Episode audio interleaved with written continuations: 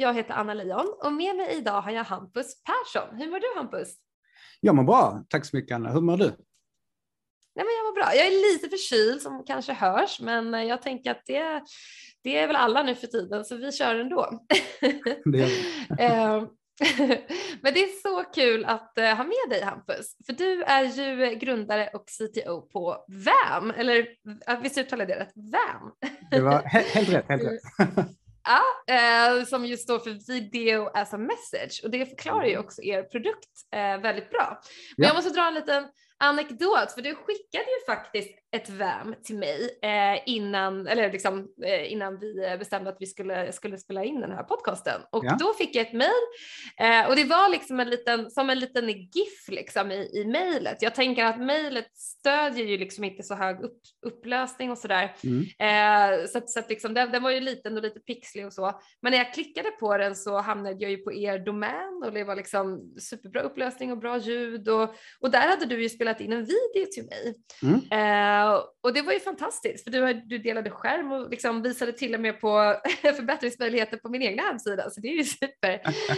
um, men det illustrerar ju också liksom användningen av, av er produkt. Uh, så tanken som jag förstår det av, liksom baserat på er hemsida är att den framförallt ska användas i säljprocesser Mm. Eh, och att grundprodukten är gratis men att ni tar betalt för att kunna få ha liksom, obegränsat antal VAMs och liksom, en äh, längre tid under sin VAM och äh, att man kan få branda sig och ha en call to action-knapp, ja men lite sånt där liksom. Äh, och de som har den professionella versionen de betalar en månatlig kostnad per användare. Jamen. Stämmer hela den här beskrivningen? 100 procent korrekt. jag kommer faktiskt inte ihåg att jag, att jag hittade några fel på din hemsida. Det var ju lite eh, förnämt av mig kanske, men eh, i övrigt så var, det, så var det helt rätt. Nej, men det, det tar jag verkligen bara positivt emot. Ja men gud vad grymt. Uh, ja men super. Så då hoppas jag att uh, lyssnarna fått lite av en bild vad VAM är. Så det är ju då video as a message. Men innan vi djupdyker i avsnittet så är jag superglad att kunna berätta att jag har fått en sponsor till podden. Så den här veckans avsnitt sponsras av Developers Bay och här kommer ett meddelande från dem. Det är många, både etablerade och aspirerande tech-entreprenörer som har konsultat någon gång under sin karriär. Jag själv frilansar exempelvis som IT-konsult via mitt egna aktiebolag.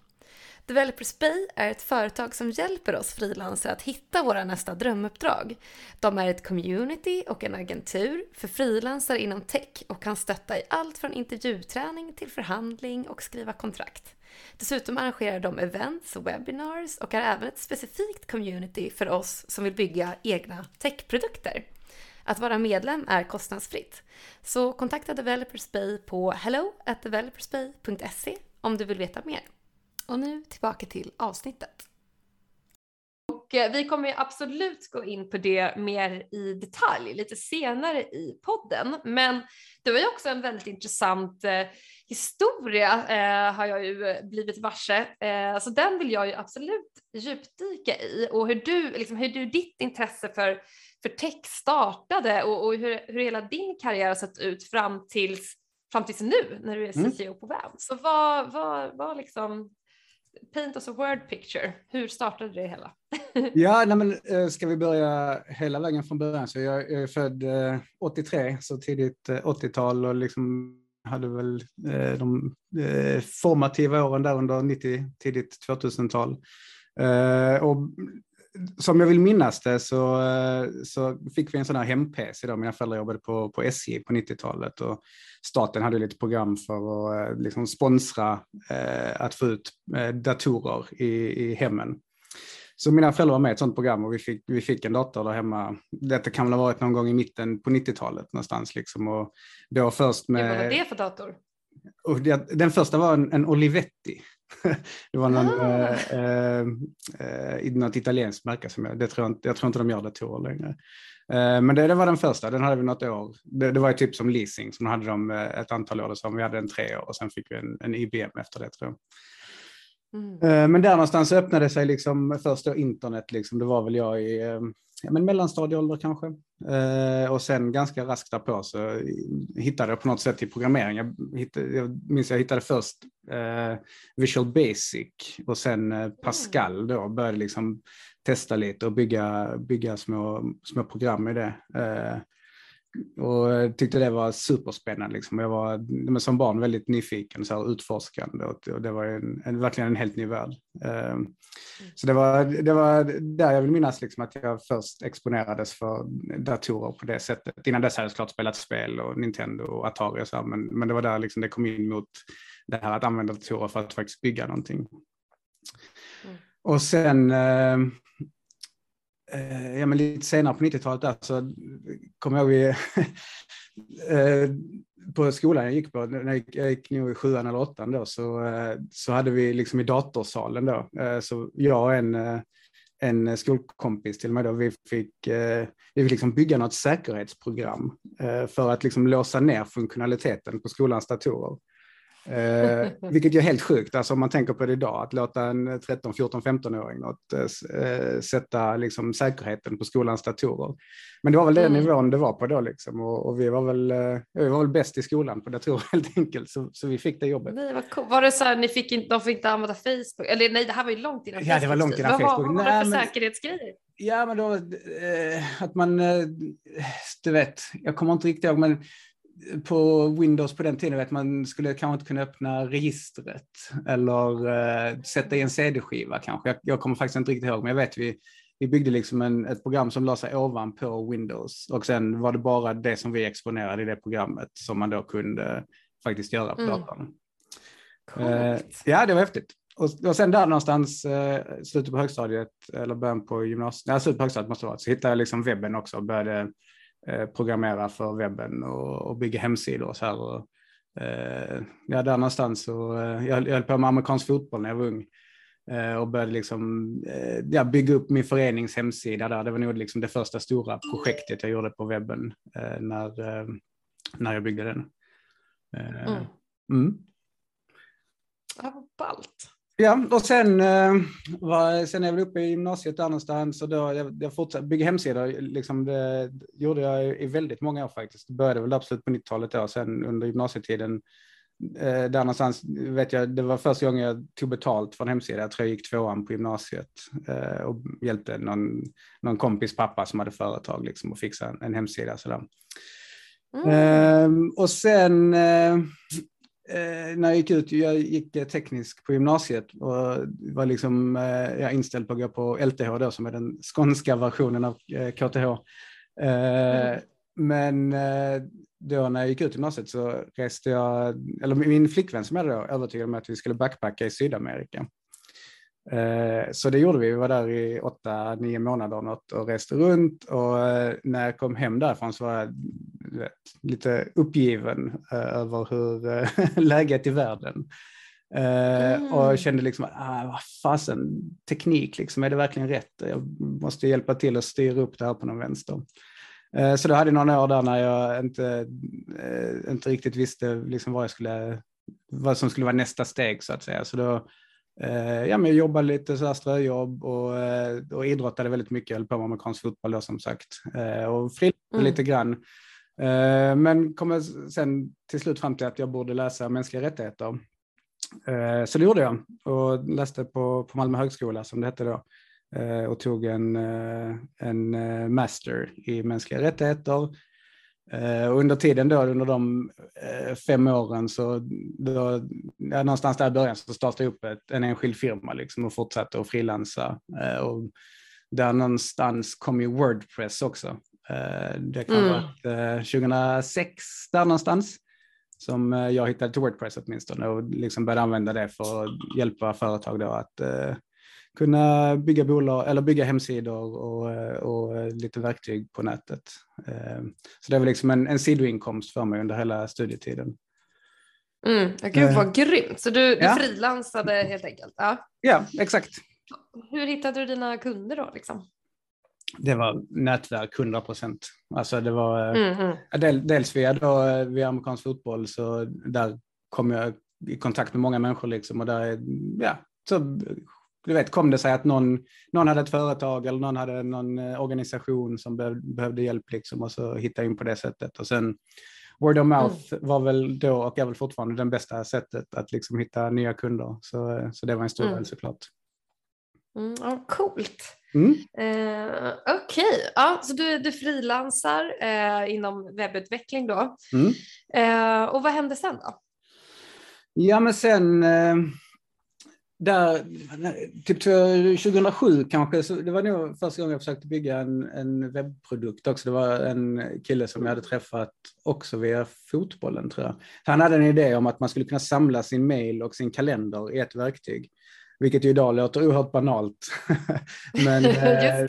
Eh, men det var det inte då, liksom, utan då, då hade man olika verktyg för mejlen och, och kalendern. Så vi, eh, vi försökte snickra ihop någonting där. Liksom. Eh, mm. Och, ja, vi satt på Mink då, som en inkubator nere i Malmö ett tag. Eller hans, jag, jag mm. pluggade så jag var med liksom, på deltid och han satt där.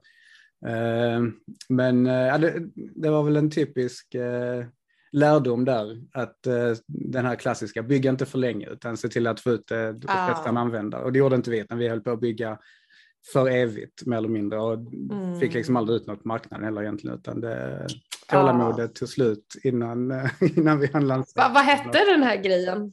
Eh, Mailendar var eh, arbetsnamnet åtminstone. Eh, liksom det som vi, Vad sa du, Mailen, Mailendar? Mailendar, som mail och calendar. Aha, ja såklart, jag fattar. Ja.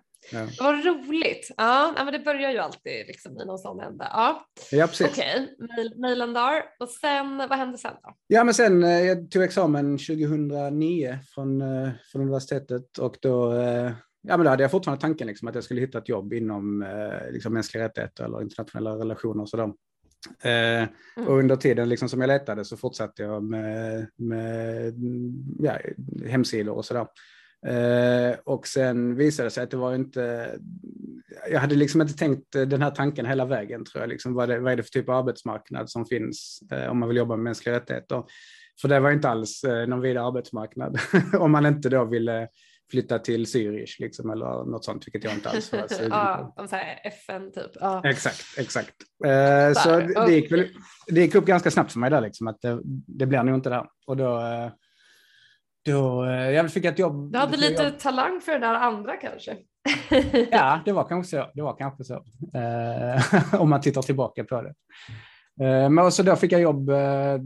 Det var ett bolag som jag hade hjälpt med hemsidor så här, som då behövde någon som tog hand om IT eh, internt. Så då tog jag det jobbet och var där ett tag, kanske ett, ett och ett halvt år.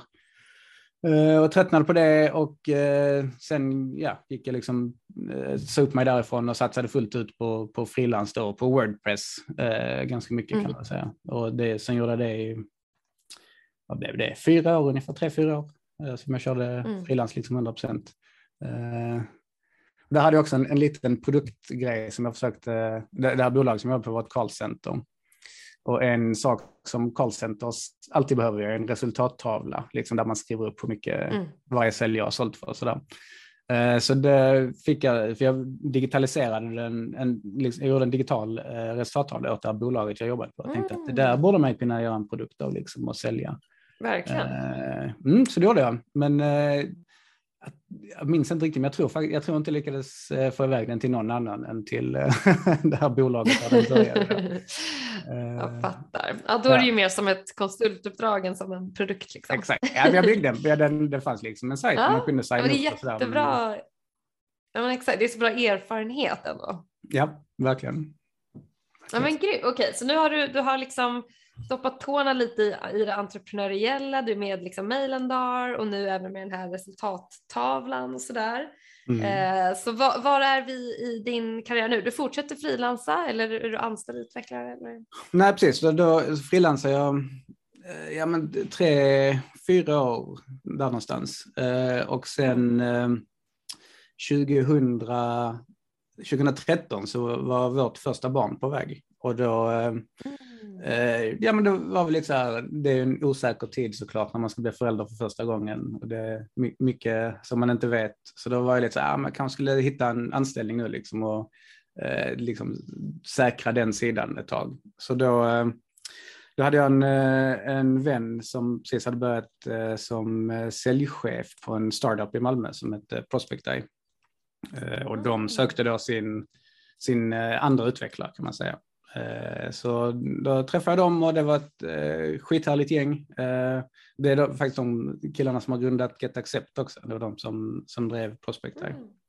Så då hoppade jag på där. Ja, det, så superkul. Det var väl, eh, jag kanske, han, ja, han var där någon månad bara och sen eh, merchade, det bolaget blev uppköpt och merchade med ett annat Malmöbolag som heter Apsis som håller på med ja, så digital marknadsföring och eh, framförallt e-mail eh, marknadsföring. Mm. Lite, du vet, tänk dig eh, Mailchimp eh, fast med ett mer B2B-fokuserat erbjudande. Mm. Så då, eh, då merchade vi med dem och så hängde jag med över där och var där i tre år ungefär. Eh, och där gick jag också då från och jag kom liksom dit och, som utvecklare, frontendutvecklare och eh, under tiden där så eh, tog jag liksom steget upp och blev eh, teamlead och techlead för eh, liksom frontend-gänget eh, på Apsis då. Mm. Eh, men jag tröttnade lite på det för att det var det var inte riktigt så snabbt som jag ville ha det. Jag tycker om när saker liksom går fort och när man kan prova och, eh, och experimentera och eh, liksom har, har mycket frihet. Eh, och det fanns inte riktigt alls. Jag började se mig om och då, eh, där, nu är vi 2016 någon gång, när, då hade precis min doktor, eh, liksom, de grundades 2014 och sen 2016 var liksom den första stora expansionsfasen då. Så då sökte de eh, folk, så då eh, ja, hörde jag mig till dem och, och vi snackade och, och, gillade varandra. Så då började jag där. Eh, det var någon gång i slutet av 2016. Som började där som utvecklare då. Eh, och det var en sjukt rolig resa. Det var en fantastisk tillväxt för, för min doktor, liksom för hela det spacet med, med Kry och doktor.se och, och allihopa. Mm eh, under, under ett par år. Kapplöpningen liksom. Ja, verkligen kapplöpning. Eh, herregud. Och det är också intressant att titta tillbaka på, liksom, om man ser nu liksom att Kry är väl de som har vunnit, alltså de har blivit störst åtminstone. Eh, och liksom vad mm, de gjorde och hur min doktor agerade och hur liksom, ja, alla de olika aktörerna mm. eh, involverade där eh, betedde sig. Det, det, digitala liksom, doktorsracet. Exakt, exakt. Det... Ja, men det är svinballt alltså. Ja, ja, det är en speciell bransch. Och du var CTO där också på ett tag? Ja, eller? precis. För det, det kom sig så. Jag, 2016 började där och sen eh, två år senare då mm. när eh, det var investeringsdags för min doktor så gick Ica in och köpte en, en stor eh, post. Och då eh, av olika anledningar så valde man då att separera vårdbolaget Min Doktor och techbolaget Min Doktor. Eh, så då skapades eh, det som blev Docly som då var liksom techsidan av min doktor. Mm. och som min doktor då blev liksom bara inom eh, citattecken en, en, en digital vårdgivare i Sverige och Docly då var de som levererade plattformen till min doktor. Mm. Den... Ville man kunna sälja den vidare eller? Ja, alltså, jag, jag vet inte exakt vad det var, men liksom det som ryktades var om att dels att ICA inte ville ha techsidan under sin vinge liksom, och sen också att då höll mm. vi på med en Europa-expansion. Och ICAs hemmarknad är ju liksom Sverige eh, framförallt. Ah. Så att de, de ville väl inte ha det. Så det var, Dockley tog också med sig Europa-expansionen. Det var, höll vi på att lansera i Frankrike och eh, i Storbritannien mm. eller i England. Uh, ja. Uh, och, i samband med det då så uh, hoppade Otto som var en av grundarna och liksom den tekniska grundaren hoppade han av för han var väl nöjd där och då tog jag den rollen liksom som, som CTO på, på Dockley då. Mm. Mm. Och så var det, ja, så var det var väl där då, detta var slutet på 18 och så var det, körde vi i två år eh, och det var ja, lite tufft att få det att funka liksom, med Dockley. Det var en, en, speciell situation liksom, där vi hade ett system som vi byggde för min doktor i Sverige, liksom, där vi hade kontrakt på att leverera det och sen samtidigt försökte vi expandera till, till nya marknader och hitta nya affärsmodeller där. Så det, mm. ja, det var kämpigt. eh, och sen då, ja, 2020, precis när coronapandemin bröt ut, så eh, träffade jag Josef då och vi eh, bestämde oss för att eh, få köra igång VEM. Mm. Ja men shit vad grymt. Vi, eh, vi stannar där lite mm. så vi inte springer iväg till VAM på en gång. Men du nämnde några där med eh, Mailandar och även den här resultattavlan för sådana här liksom cold calls eller vad man ska kalla det för, mm. liksom säljresultattavlan som du ville visualisera och att de kanske inte riktigt tog fart. Men är det några fler liksom, produkter som du har försökt bygga eller som du har byggt eh, som, du, som du vill dela med dig av? För jag tycker alltid det är så himla spännande att höra liksom, om vad man så här, sitter och snickrar på sin egna kammare sådär. um, alltså det, jag skulle säga den tredje grejen som har nått ut i världen är eh, ett, eh, ett, vad ska man kalla det, ett litet magasin, eller en, liksom en nyhetssajt kan vi kalla det, som eh, mm. hette Swedish Football Network, som då var nischad mot amerikansk fotboll i Sverige. Som vi byggde liksom, mm. där det var det var jag och ett par grabbar, de körde fortfarande och de har liksom den journalistiska sidan och sen var jag med och hjälpte till i det tekniska, liksom att bygga en sajt och liksom lite funktionalitet omkring det för, så här, för att kunna få in matchresultat från eh, när det spelades matcher runt om i landet och eh, ja, lite kring funktionalitet.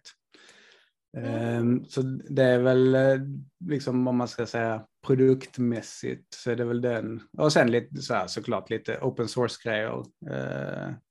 Fast det, mm. det, det, är många år sedan nu. Jag var väldigt, jag var väldigt inne på SAS, var ju väldigt populärt eh, för, vad kan det vara, tio år sedan kanske? Eh, liksom den, mm. ett lager ovanpå på CSS då liksom. Eh, som mm. Jag tyckte var väldigt spännande när det kom. Och ah, du bidrog till open source-scenen inom det eller? Ja, jag, ja, jag försökte i varje fall. Mm. ja, men det, det är beundransvärt. Ja, men shit vad kul. Eh, bara så här, om vi tittar nu på de här grejerna som, nu verkar det i och för sig som att den här fotbollssajten kanske tog fart, men att du lämnade liksom, eller hur? Ja, men det kan man säga. Alltså, de, de, eh, de andra grabbarna kör den fortfarande. Eh, så mm. den, ja, den är alive and kicking. Ja, men shit vad nice. Men vad är din analys då om vi stannar vid de här projekten du gjorde innan VAM? Eh, vad, liksom, varför lyckades eh, vissa och varför liksom, lyckades inte andra? Och, och vad, vad liksom saknades så att säga för dig innan, för att de skulle kunna ta fart? Ja, men så här, genomgående för dem så var det väl att nå ut till, eh, nå ut på marknaden, liksom. att hitta, ja. hitta folk som ville ha det. Just och det är väl ja, klassisk, klassisk fälla för builders, liksom, att man, eh, mm. man fastnar i byggandet. Ja men exakt. Eh, och det, är, det är så himla underskattat det här med liksom marknadsföringen och, och sälj. Eh, att det, det är så otroligt svårt. Mm.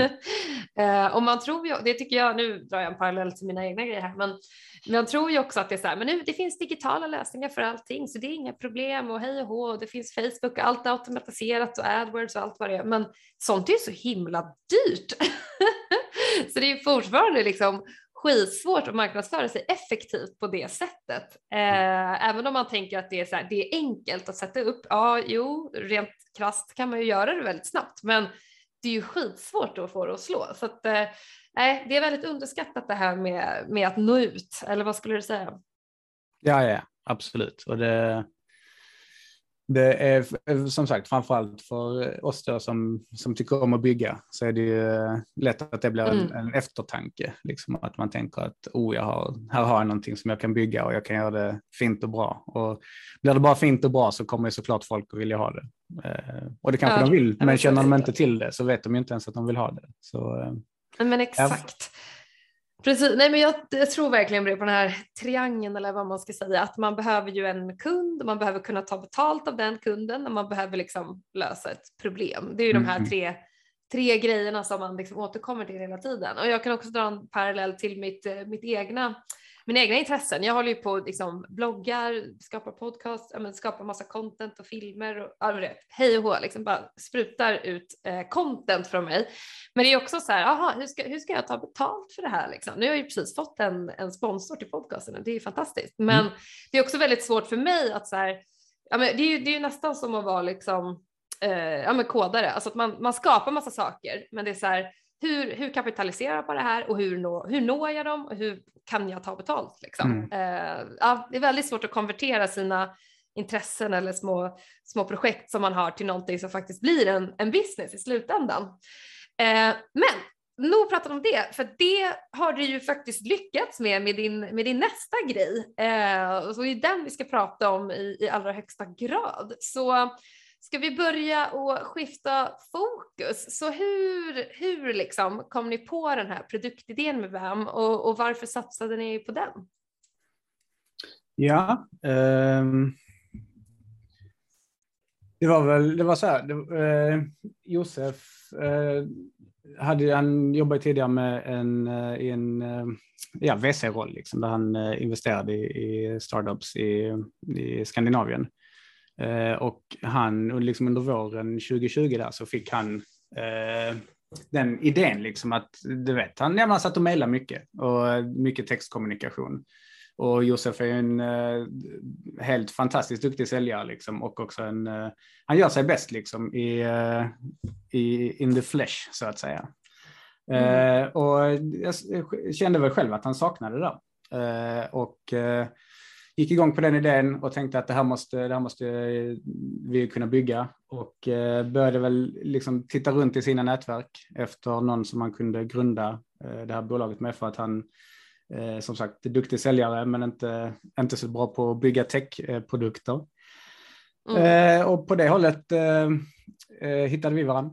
Eh, han, han mm, hörde alltså av sig via så LinkedIn? Ja, liksom. exakt. exakt. Han eh, ah, hörde av sig på LinkedIn till mig. Vi, han, hade, eh, han hade fått en rekommendation från någon gemensam bekant som jag inte kommer ihåg vem det var. Eh, men hörde av sig då. Liksom, så, Eh, ja, snackade vi lite och eh, gillade varandra. Jag hade tidigare lyssnat på, han hade en, en eh, ganska stor podd för, förr i världen som hette Businesspodden som jag mm. brukade lyssna på. och, så jag hade lite koll på honom sådär. och, så ja, vi snackade och jag tyckte han verkar vara en skön, skön kille.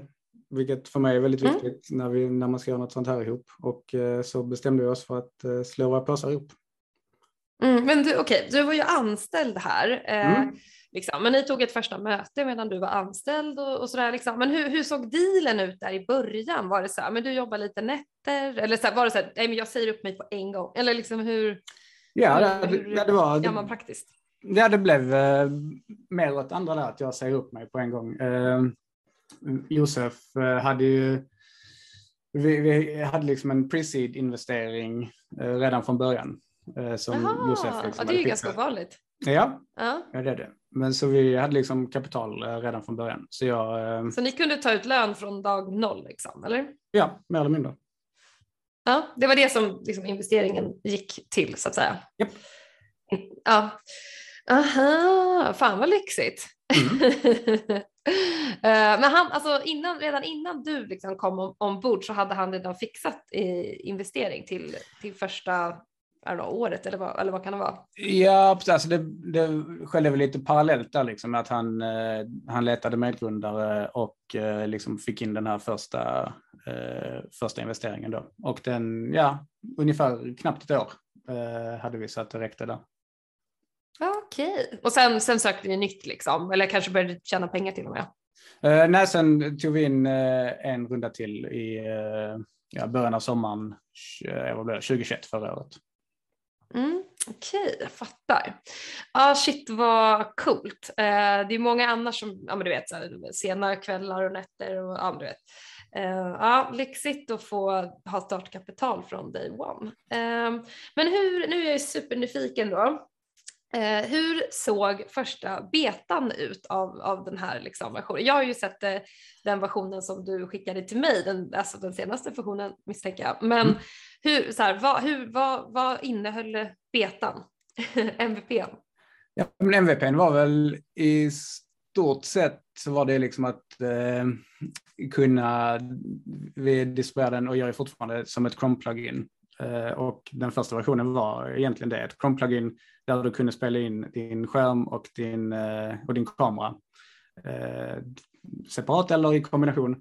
Och sen då där vi strömmade upp den här videoströmmen och lagrade den på en server och sen kunde du, fick du då den här, en, en sida som du kunde dela den via.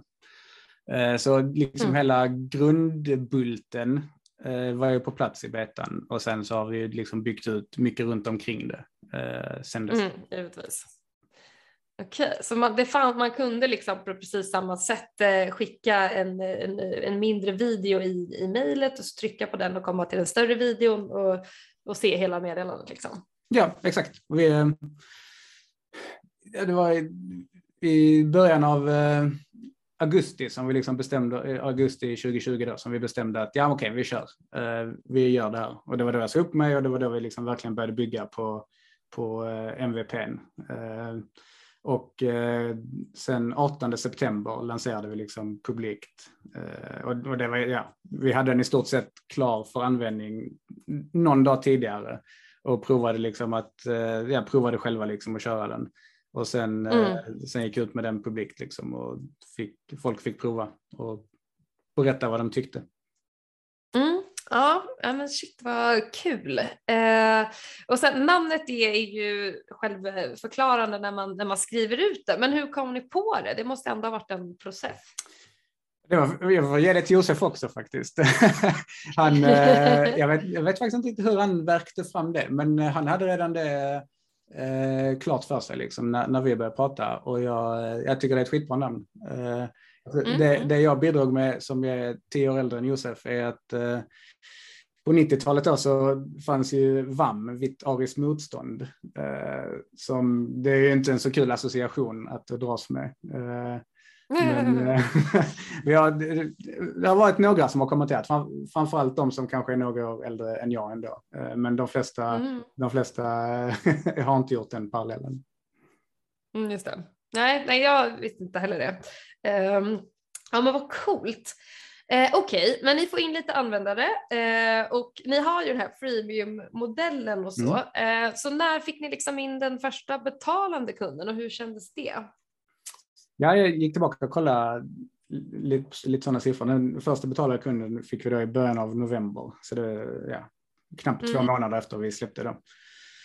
Och det, vi släppte liksom en, ja, allt vi hade hunnit bygga till vi släppte då. Eh, släppte vi ut och sen så försökte vi liksom samla in så mycket feedback som möjligt från, från de som använde det och framförallt då från eh, företag som använder det. Liksom. För där kommer in freemium så kan man ju såklart få in ja, vanligt folk också, om man säger så, som inte eh, representerar ett, ett, företag som sådant.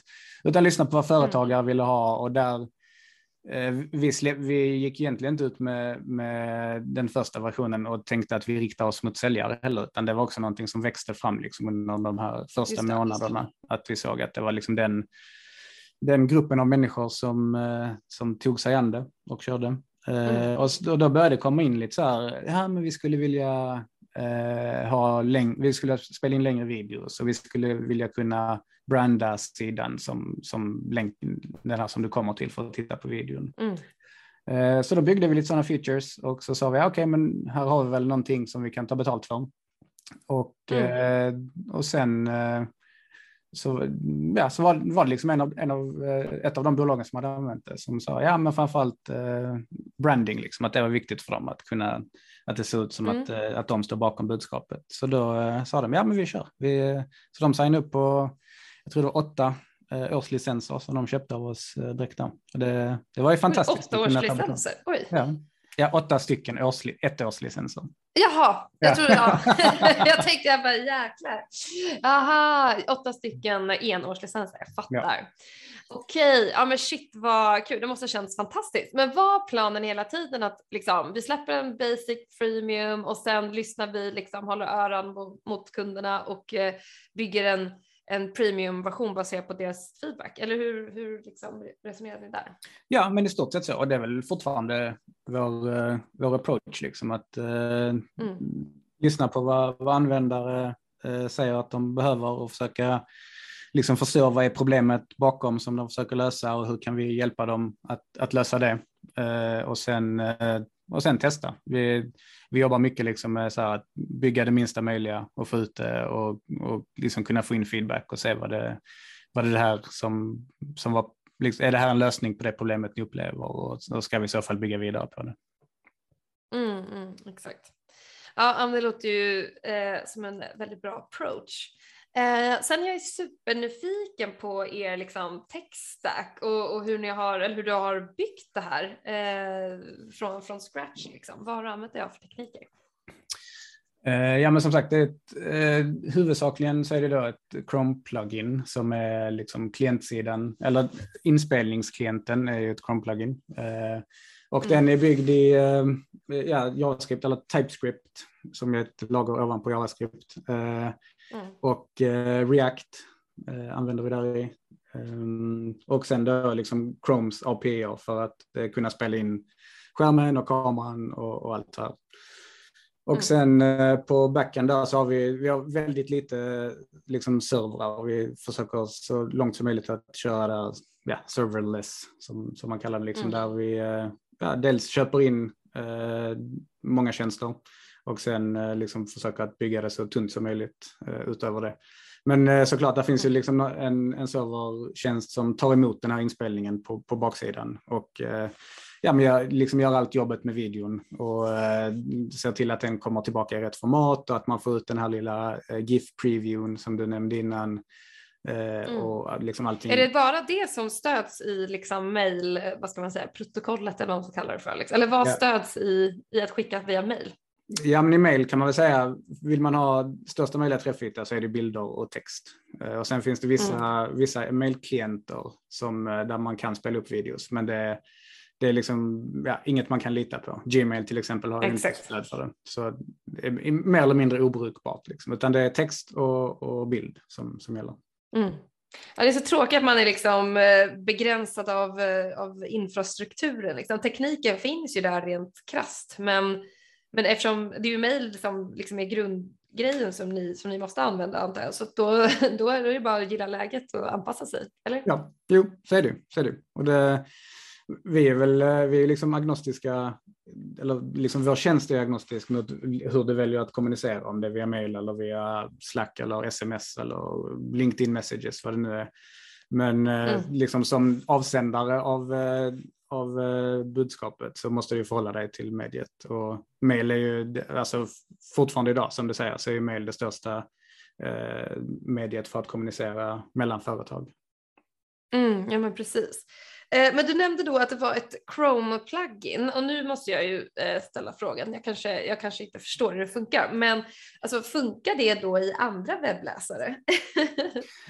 nej, utan inspelningen funkar bara i Chrome.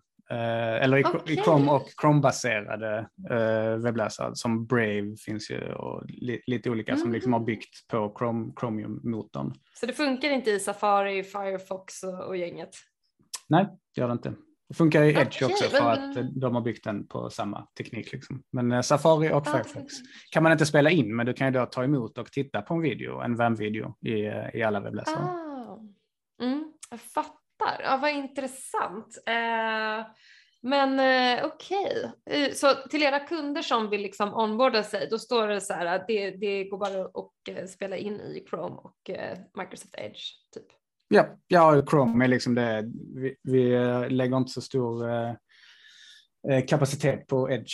För, mest för att Chrome har ju hela marknaden. Så det är, där ja. vi, det, är där, det är det vi bygger för och det är det som vi användare använder. Och förvånansvärt lite eh, pushback på det faktiskt. Eh, och det talar väl ja. lite för hur stor marknadsandel Google Chrome har.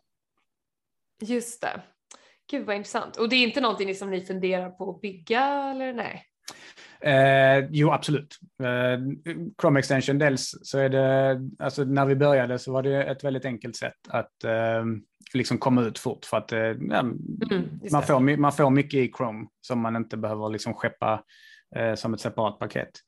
Och sen mm. Eh, är det, det är en väldigt enkel onboarding. Alltså där du som användare har du Chrome så är det väldigt lätt att installera en ny plugin och sen är du igång och kör. Mm bygger vi en desktop-app eller när vi bygger en desktop-app så är det ju ett, ja, det är svår, svårare att installera.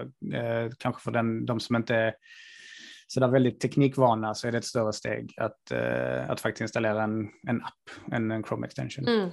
Så, ja, verkligen. För tillfället så är det det vi kör. Vi har en mobilapp också som vi har ute i beta just nu. Eh, och, eh, ja, jag såg det på hemsidan. Ja. En, det stod iOS. Så vad, vad, vad har den för funktion? Alltså då kan man i mobilen liksom, eh, spela in istället? Ja, exakt. Eller? Mm. Ja, så, Ja, det är inte mycket svårare än så. ja, men det är skönt med en så här ganska enkel produkt liksom som man faktiskt eh, förstår sig på. Eh, men eh, okej, okay, på det temat då, vad skulle du säga är liksom tekniskt unikt med er liksom, plattform eller er produkt? Alltså, det, det som vi gör, som vi hela tiden har varit väldigt måna om, är liksom en, att det är en väldigt eh, vad ska man säga, strömlinjeformad upplevelse, liksom, som framförallt mm. du som spelar in då. Eh, och där, eh, du vet, den gamla Spotify-liknelsen, liksom, att så fort man klickar så ska, så ska låten du har valt börja spelas upp.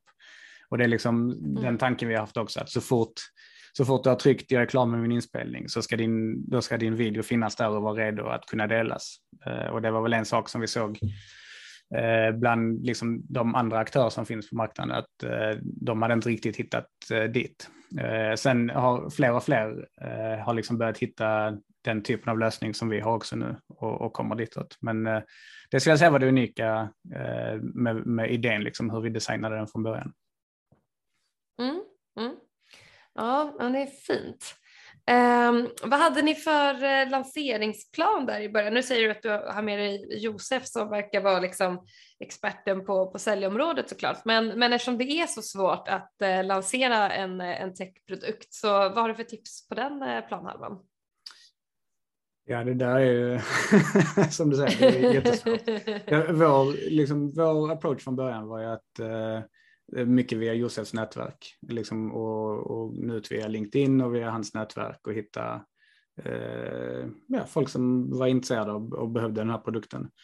Eh, vilket såklart eh, formade också vår eh, initiala publik, liksom att, eh, att, mm. att det blev just säljare. Har, det finns ju såklart någonting där också i att hans publik är mycket folk som, som jobbar inom den typen av områden. Mm. Eh, och annars så är det väl det där, det, de, klassiska råden, liksom, att eh, veta, veta vem din publik är och hitta en publik som, eh, du vet, som verkligen behöver det som du säljer. Eh, och det, det, finns ju något, någon som har sagt att det är liksom bättre att hitta tusen personer som älskar dig än eh, du vet hundratusen som ja, gillar dig. Mm. Mm, ja men exakt. Och hur, hur når ni de här? Jag antar att det är mest företagskunder då som du säger, inte så mycket privatpersoner kanske som blir betalkunder, men hur, hur gör ni reklam? Hur får ni in de där nya kunderna? Ja, dels eh, produkten i sig har ju någon form av eh, viral effekt såklart. Liksom att, eh, ja, det är får... extremt tacksamt. Ja. eh, så, så det är en del och sen eh, så har vi också en, liksom en outreach där vi letar upp bolag som vi tycker borde använda det här eh, och som borde, borde använda video i sin försäljning eh, och sen hör vi av oss till mm. dem och säger att det här borde ni ha eh, och så, eh, så tar vi det framåt därifrån. Exakt. Jobbar ni någonting med automatisk eh, marknadsföring? Ja, det gör vi. Vi jobbar liksom att, ja, med lite olika verktyg för att kunna hitta beslutsfattare och, och människor liksom inom rätt rätt sektorer och sådär som vi kan eh, eh, targeta. Mm, så Google AdWords eller, eller vad det kan vara? Eller? Ja, det, alltså dels, vi, nu, vi kör inte så mycket paid. Eh, vi har, har liksom experimenterat lite med ja, Google och Facebook och, och de, de klassiska arenorna. Eh, och nu, eh, just nu provar vi lite mer att, att uh, vara lite mer direkta uh, och hitta folk du vet, via LinkedIn eller, eller andra eh, forum och, eh, och kunna ha, liksom, få tag i dem på, på det hållet. Mm, mm, jag förstår. Ja, det, där, det där är alltid skitsvårt alltså. Mm. Eh, men det är det ni hjälper dem i sig med kan man ju säga.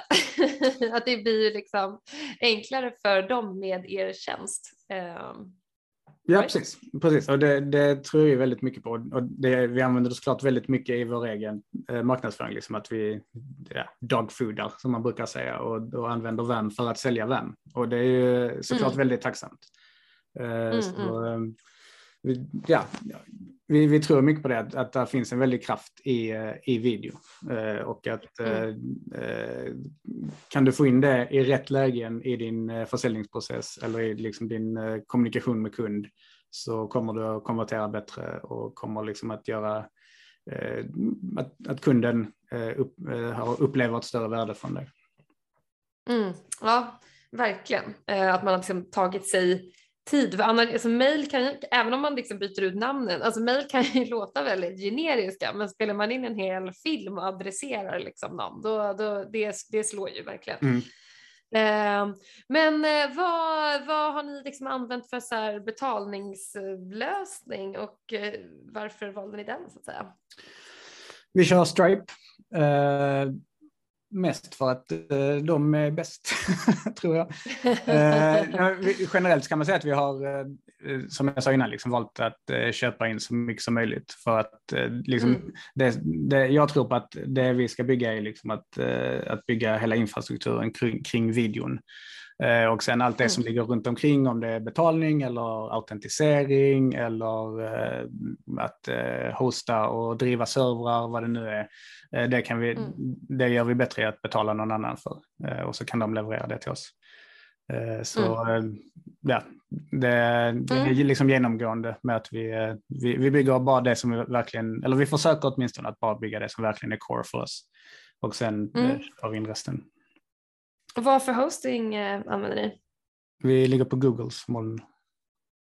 Ja, just det, såklart. Ja. Mm. Jag fattar. Uh, ja, vad coolt. Vad, så här, det, det är ju väldigt många som använder subscription model, uh, mm. eller vad man ska kalla det för. Mm. Tror, tror du liksom att vi kommer nå någon så här, fatig runt uh, subscription models framöver och, vi, och kommer vilja gå tillbaka liksom, till så här, engångskostnaden och installationen? Eller? intressant fråga. Jag tror jag tror eh, som konsument så kan, kan man nog vara lite benägen att, eh, att liksom föredra engångskostnaden. Eh, som företag så är min känsla att, man, att det är okej okay liksom med subscriptions. Eh, och att mm det är, en, eh, ja, det är en, liksom en, en, bra prismodell. Eh, man binder inte upp sig i något långt avtal. Eh, eller inte på samma sätt åtminstone. och, man kan, men man kan ändå liksom förutse kostnaden och vad den kommer att vara. Mm, ja, precis. Uh, ja, nej, men jag håller med. Alltså, på, alltså, som konsument blir man helt tokig när det finns liksom 15 streamingtjänster varav alla kostar liksom 100 kronor i månaden. Uh, mm. Och sen massa, massa till saker på det. Uh, nej, men som företag så ja, är man nog mer beredd att använda det. Men, ja, nej, men jag tycker det är jättespännande för det, det har ju verkligen blivit en boom av, av vad ska man säga, ja men SAS-tjänster helt enkelt. Mm. Uh, subscription as a service. Uh, så jag är bara lite nyfiken på, för jag har ju sett andra som också har kört andra typer av, av modeller. Uh, det är ju det är en sån viktig del i produkten och egentligen upplevelsen också eftersom liksom, betalningsdelen är ju såklart en del av, av produkten. Mm. så jag tycker det är väldigt intressant att diskutera, speciellt som det går så mycket trender i det här.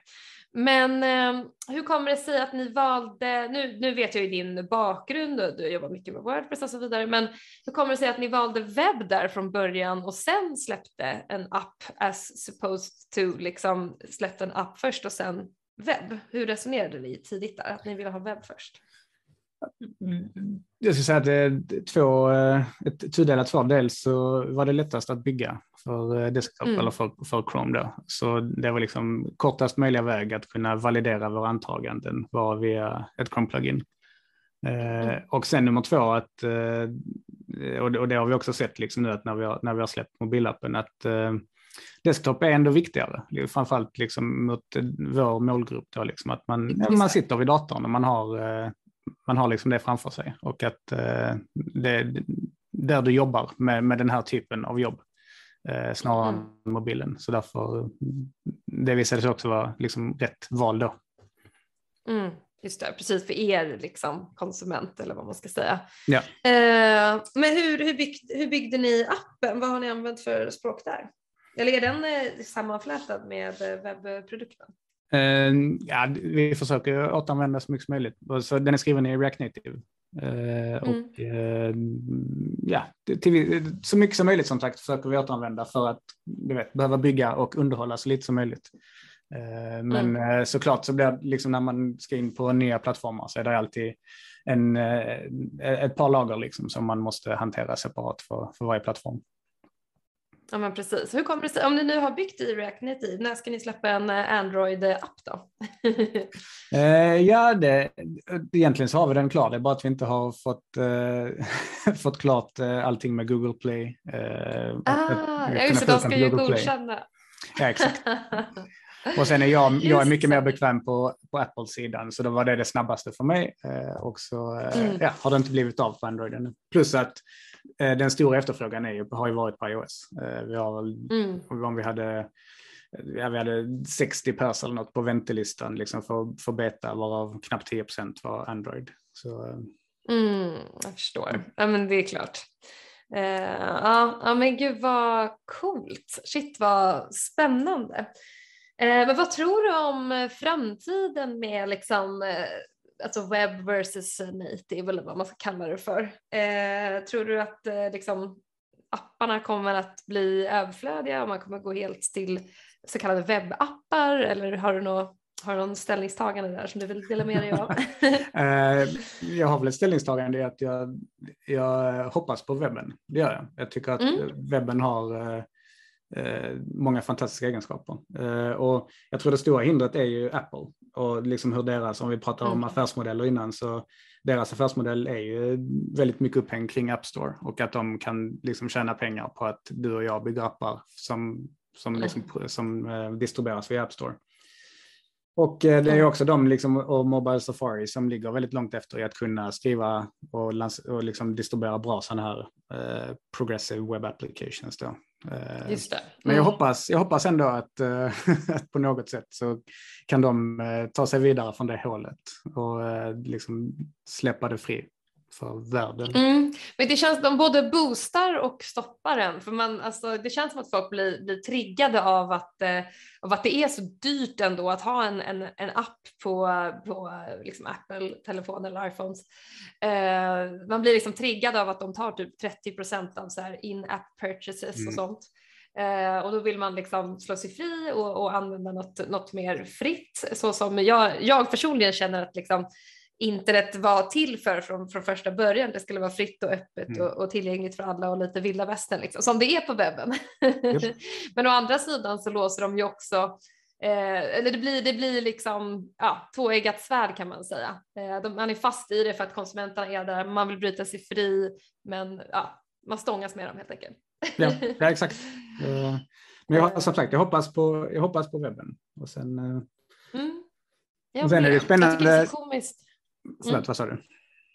Eh, nej, det enda jag skulle säga var att eh, men jag frilansar ju som, alltså precis som du gjorde förut då, men jag frilansar nu som egen liksom, IT-konsult ute på företag och där är ju en så här het potatis, en het fråga är ju om man ska ha liksom, alltså dedikerade iOS eller Android-utvecklare överhuvudtaget eller om framtiden är att bara liksom ja, ha mer webb, webbutvecklare eller fullstack eller vad man ska mm. kalla det för. Och sen, ja men du vet, alltså den här frågan är ju rätt känslig alltså. Mm. Eh, eller vad, vad skulle du säga?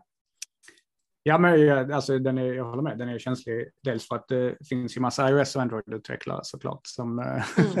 som ju vill att det ska fortgå. Och jag, jag tror det kommer ju alltid att finnas en marknad för det också. Bygger du liksom ska du bygga en viss typ av, av applikationer, liksom, vill, du, så vill du ha in AR i din mm. app, då måste det ju vara mm. direkt på plattformen mer eller mindre. Men eh, mm.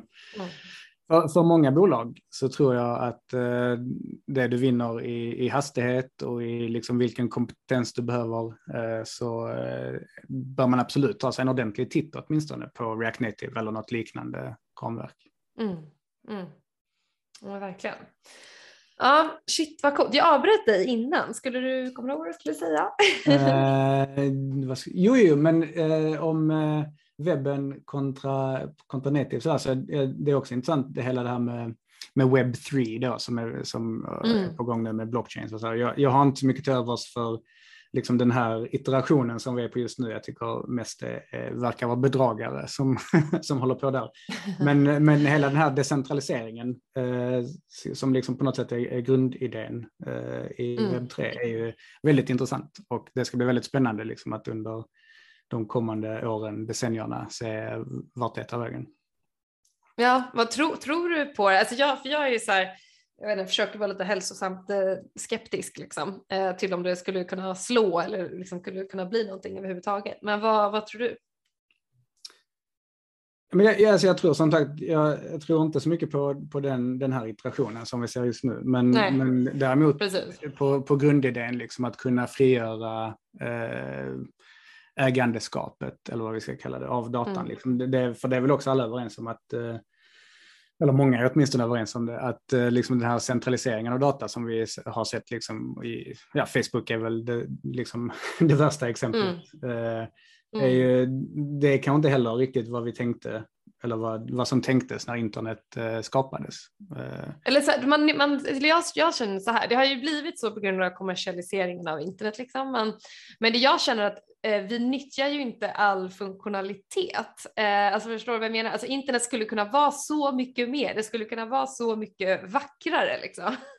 Om jag får bli filosofisk. Men vi är inte där, vi är inte där nu, men den har den potentialen och det är väl det jag tror att de som eh, ja, är advocates för liksom, eh, webb 3 eh, långsiktigt, att de också drömmer om. Eller vad skulle du säga? Ja, men jag håller med. Det, det tror jag också. Och, ja, men jag tror där, där finns ju såklart en, en eh, vi är inte färdiga med internet så som det ser ut idag såklart. Eh, där, där, finns ju någonting mer och eh, om, om det är liksom exakt eh, det som vi ser nu med, med blockkedjor och så här, det, det vet jag inte. Men, jag, men liksom att vi är på väg någonstans, det, det tror jag absolut. Mm. Eller NFTs som är så jäkla hett och i ropet nu, eller vad säger du? ja, som sagt, det är mycket bedragare. min, min ja, jag håller med. Lite, det är lite så, jag kommer aldrig förstå mig på det här med, eh, ja, vad ska man säga, alltså det här kulturella liksom, värdet. Det, jag vet inte, jag är ganska, känner mig ganska liksom, teknisk och vill ha liksom, svart på vitt allting. Men det, det de säger att det finns något inneboende värde i de här och jag bara, jag förstår liksom inte vad det är. Men Nej. det är väl marknadsföringen som är värdet. Jag vet inte. I don't know, kommer aldrig förstå mig på det där. Eh, ah, strunt i NFTs. eh, det ska vi absolut inte prata om. Men eh, gud, alltså det har varit så himla intressant. Eh, vi börjar få lite slut på tid dessutom. Eh, men du, det har varit så otroligt eh, spännande att höra om dig och om VAM och er resa. Men eh, så här eh, nu när vi börjar runda av lite grann, vill du dela med dig av, liksom, har, ni, har, du upplevt några kriser med, med VAM eller tidigare som, och några misstag som du kanske har gjort som du kan dela med dig av och som vi kan lära oss av, vi andra som också försöker bygga techprodukter och företag? Ja, um, jag tror på, på företagsbyggandesidan så uh, jag vet lite tråkigt råd kanske, men det är rekrytering. alltså, människor är det svåraste. Mm. Alltså, det är mm. det. Och att se till att rekrytera rätt. Och jag tror ett praktiskt råd som jag har lärt mig eh, inte på VAM så mycket, men i, i, tidigare roller, är alltså provanställningen. Att våga, att våga använda den som vad den är till för. Liksom. Att det, det är en tid mm. för både mig som arbetsgivare och dig som arbetstagare att känna, är, är det här rätt? Det, det vet vi alla som har anställt någon gång, att det är oerhört svårt att liksom på de här få tillfällena som man träffas under en intervjuprocess ta reda på, är det här verkligen, passar vi för varandra? Eh, mm. Så att våga använda provanställningen. Eh, mm. Det har jag ja, jag, två, två tillfällen kan jag tänka på direkt. Liksom, där jag, hade jag kunnat gå tillbaka dit idag så hade jag gjort det. Eh, och, och, det blev liksom ah. dåligt både för arbetsgiv, mig som arbetsgivare och för, eh, för arbetstagaren eh, att vi inte gjorde mm. det. Eh, Hur många är ni nu på VAM förresten? Nu, just nu är vi sex på VAM. Ja, ja grymt. Ja, men det är superbra tips verkligen. Men har ni någon gång så här att du rent tekniskt liksom gjort något misstag och så här bara shit, nu behöver vi rulla tillbaka? ja, alltså sånt där. Som sagt, vi tycker om att, att skeppa saker fort, så att rulla tillbaka mm. grejer gör vi hela tiden. Men det, det ser jag inte som misstag egentligen, utan det, det, är en del Nej. av processen snarare. Det, det stora mm. som jag kommer på tekniskt, den, på, på min doktor så byggde vi också i React Native och då, eh, vi var väldigt tidiga på det. Uh, och samtidigt, uh, eller lite efter vi hade gått in i React Native så började de ju lansera det här som de kallar Flow då, som är en, uh, ett alternativ till TypeScript kan man säga. som vi mm. hoppade på och som sen visade sig liksom något år senare att det var, det var riktigt dumt. För att oh. ja, de, Facebook verkar inte vilja göra någonting med det liksom, och det låg där och ah. puttrade på. Då de liksom fast i den liksom. Alltså de underhöll det, men mm. de tog det inte riktigt dit det behövdes. Uh, och ah. sen kom ju TypeScript och sprang om. Uh, mm. Så det är såklart svårt att, att uh, man kan inte se in i framtiden, så man kan inte veta vilka val som kommer att bli bra. Men på något sätt det här att Eh, att liksom sådana här tekniska beslut, att, att försöka titta lite in i framtiden och tänka okej okay, om, det här, mm. om det här inte blir som vi hade tänkt oss, liksom, vad inne, liksom, vilken sits kommer vi att sätta oss i då? Och kan vi på något sätt undvika att sätta oss i den sitsen? Alltså kan vi prova det här på ett sätt som inte gör att vi hamnar i en dålig sits om det inte går som vi hade tänkt oss? Eh, mm. Det tycker jag är en, det, ja, det är en bra liksom, diskussion att ha, antingen med sig själv eller med, med några nära medarbetare. Mm, ja, precis. Ja, men det, det är så otroligt avgörande att satsa på vissa tekniker så där tidigt liksom. För det, det blir så shaky om det, ja, om det börjar skaka lite eller liksom inte utvecklas i den takten som det borde eller ja, vad det nu kan vara. Mm. Um, ja, det är många som jag har pratat med som bara, nej men vi satsar bara på jättebeprövade tekniker och liksom do the safe way och, och så. Ehm, men om man ska testa så ja, det gäller ju verkligen väga för och nackdelarna med någonting sånt där som är lite nytt och lite oprövat. Ja, så är det definitivt. Och det, någonstans måste man också våga chansa. Om man alltid eh, liksom väljer man alltid det gamla och beprövade så kommer det också alltid att själv vara gammal och beprövad. Eh, så det gäller liksom att, att våga försöka ta, eh, ta liksom beslut, men kanske ändå att kunna ta de besluten på ett sätt som att visa sig att det här blir dåligt, hur kan vi liksom backa bandet eh, så enkelt mm. som möjligt. Just det. Mm, ja men exakt. Och eh, nu har du redan bjudit på lite liksom, tips och så, men eh, finns det några lärdomar och är det någonting som du kanske skulle ha gjort annorlunda som, som vi eh, som också liksom vill bygga eh, borde liksom att, eh, kunna ta till oss som du tycker vore bra? Um, ja, men den, den stora, om man liksom tittar på hela min karriär. Så den stora lärdomen som jag liksom alltid försöker med mig är ju, är ju det här som jag redan har sagt flera gånger, liksom att, att få ut det till folk så fort som möjligt. Mm. Eh, för att till, i slutändan så är det ju de som ska avgöra om de vill betala för det eller inte. Eh, mm, mm. Och eh, ja, de måste, ju, ju, ju, fortare man kan få den bedömningen, ju större chans har du att faktiskt kunna hinna bygga någonting som är bra nog. Mm, exakt, och så att man liksom också, ja men, för annars måste man ju så här backa och göra saker ogjort och ändra. Men man ska ju, alltså den optimala liksom, tillfället där man vill ha den där feedbacken, det är ju innan man har påbörjat någonting så att man kan tweaka den i rätt riktning hela tiden. Ja. det handlar ju om att pivotta där i början. Eh, och pivota kan du ju bara göra baserat på faktisk feedback, liksom, när du har underlag för någonting. Att så här, shit fan, det är den här riktningen vi kanske borde gå i. Um, det, jag håller verkligen med. Och också typ att så här, då hittar man ju sin nisch också, mm. eh, sin kundgrupp. För precis som ni nämnde lite grann att så här, ah, ni förstod efter ett tag att så här, ah, det kanske är säljare som är den mest attraktiva och bästa kundgruppen för er. Men det, det vet man ju inte, det är ju inte alls självklart i, i början. Eh, alltså få den realisationen att så här, ah shit, det är ju de, det är de här och då är det ju de man ska lyssna på också. Mm. Eh, så då ska man inte ta in feedback liksom vitt, högt, och brett till höger och vänster. Eh, utan verkligen så här, det är, det är, då är det ju de som man ska anpassa verktyget för. Jag tror att det här med att nischa sig är underskattat eh, mm. faktiskt. Eller vad skulle du säga? Ja, helt klart. Det, som sagt, eh, bättre att hitta tusen pers som verkligen älskar dig än, eh, mm. än många fler som ja, bara gillar dig. Precis, det är nästan i det här generalistträsket som, eh, som, man, som man fastnar i när man inte liksom lyckas börja ta betalt. För mm. det, är alltid någon, det är alltid någon jäkla nisch som är betalningsvillig känns det som. Mm. Man måste bara hitta den. ja, jag ser det. Och levererar du tillräckligt stort värde till, till någon så kommer de ju betala. Mm, ja, precis. Nästan bättre att börja smalt och sen liksom bredda sig och ta in, ta in fler kundgrupper än att liksom, eller vad skulle du säga? Ja, absolut. Håller helt med. Ja, Bra, men nu, nu har vi liksom vad ska man säga, ideatat eh, fram massa tips här till, till alla som vill bygga eh, techprodukter. Jag går ju de här tankebanorna själv så att jag, ja. Ja, jag tänker på det här ganska mycket. Jag tycker det är superintressant. Um, coolt! fan vad ballt. Eh, vi har ju redan fått massa hints om vad som kommer härnäst. Ni har precis släppt en iOS-app, det kanske kommer en Android-app och vi har pratat om andra webbläsare kanske, kanske, kanske till och med. Men vad, finns det några andra features eller liksom, vill du dela med dig av någon vision framöver kring vart produkten är på väg någonstans som du vill liksom locka oss med? jag tror det stora för oss som vi funderar mycket på är eh, liksom, hur kan vi hjälpa eh, säljare då i sin roll eller folk som har någon form av säljande roll att, eh, att mm. kommunicera på så bra som möjligt med eh, liksom de de vill prata med. Och du vet om det handlar om eh, att eh, lära dem att spela in bra videos eller om det handlar om AI för att kunna analysera vad som, vad som sägs och hur man ska kunna skruva på det för att göra det ännu bättre.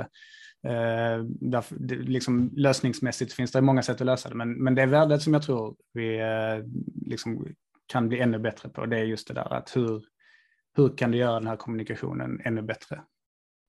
Mm. Mm, precis.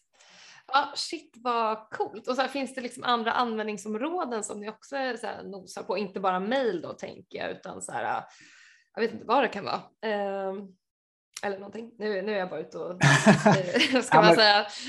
Jag skulle säga så här, som, som sagt, liksom, eh, en av de eh, fina sakerna med, lös, med, med VAM som lösning är att det är liksom medieagnostiskt. Du kan använda det via mail eller via sms eller via LinkedIn eller vad det nu är. Mm.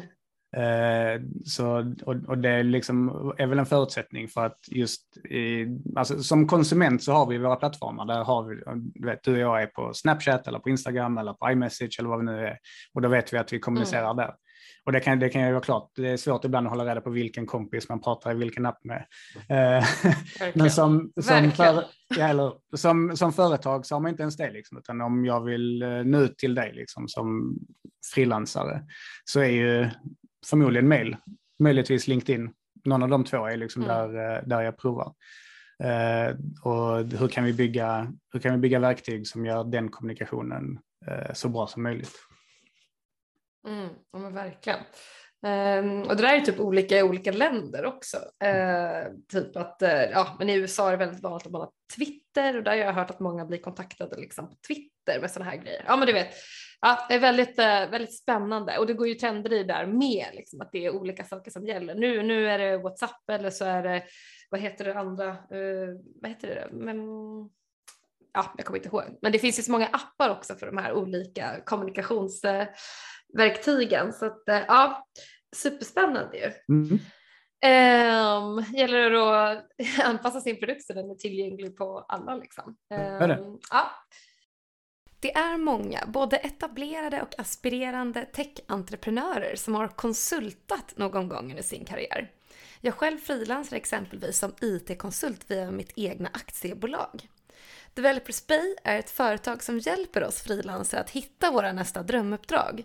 De är ett community och en agentur för frilansare inom tech och kan stötta i allt från intervjuträning till förhandling och skriva kontrakt. Dessutom arrangerar de events och webinars och är även ett specifikt community för oss som vill bygga egna techprodukter. Att vara medlem är kostnadsfritt. Så kontakta Developers Bay på hello developersbay.se om du vill veta mer. Eh, shit vad coolt. Eh, men ja, alltså jag, jag känner mig väldigt eh, fullfjädrad. Jag har stenkoll på er produkt och på dig och eh, det kommer bli så himla spännande att följa er och se mer av er produkt och vad som händer framöver. Och vi ska ju också tipsa användarna, eller lyssnarna såklart, till att bli användare och att använda VAM mm. eh, och testa eftersom det är gratis också. Mm. Eh, så himla coolt. Men är det någonting mer du vill, eh, vill tillägga eller så? Jag har ju en sista fråga annars, men annars om du, är det något mer som du vill, eh, någon länk eller om du vill dela med dig av någonting? Nej, men jag kan bara hoppa på, eh, som du sa, jag tycker såklart alla ska prova VEM och eh, det är bara att gå in på vem.io och eh, komma igång. Som sagt, gratis att prova. Exakt. Eh, ja, och vet du någon annan textskapare som tycker att jag borde intervjua härnäst? Ja, men jag tänkte, jag får dels, eh, eller jag får såklart eh, försöka eh, hitta på lite skånska alternativ. Ja, vad roligt! Men, så de två som jag tänkt på, den första heter Vanja Tuvesson och CTO på Tengai som är ett här AI-baserat eh, intervjuverktyg. Eh, hon är riktigt cool. Eh, och sen även eh, Jonas Blank som är CTO och en av grundarna på Get Accept är också en eh, spännande person. Mm, perfekt. Gud, ja, skåningar vill jag ha. Eh, fan vad nice. Toppen! Tack så hemskt mycket då Hampus. Eh, jag ska också eh, uppmana lyssnarna att prenumerera och även ge betyg som man kan göra nu eh, på podden. Så att, eh, det ska ni jättegärna göra om ni vill. Och eh, självklart eh, prenumerera som jag sa. Hampus, tack så hemskt mycket för att du var med. Tack själv Anna, det var mycket trevligt. Tack.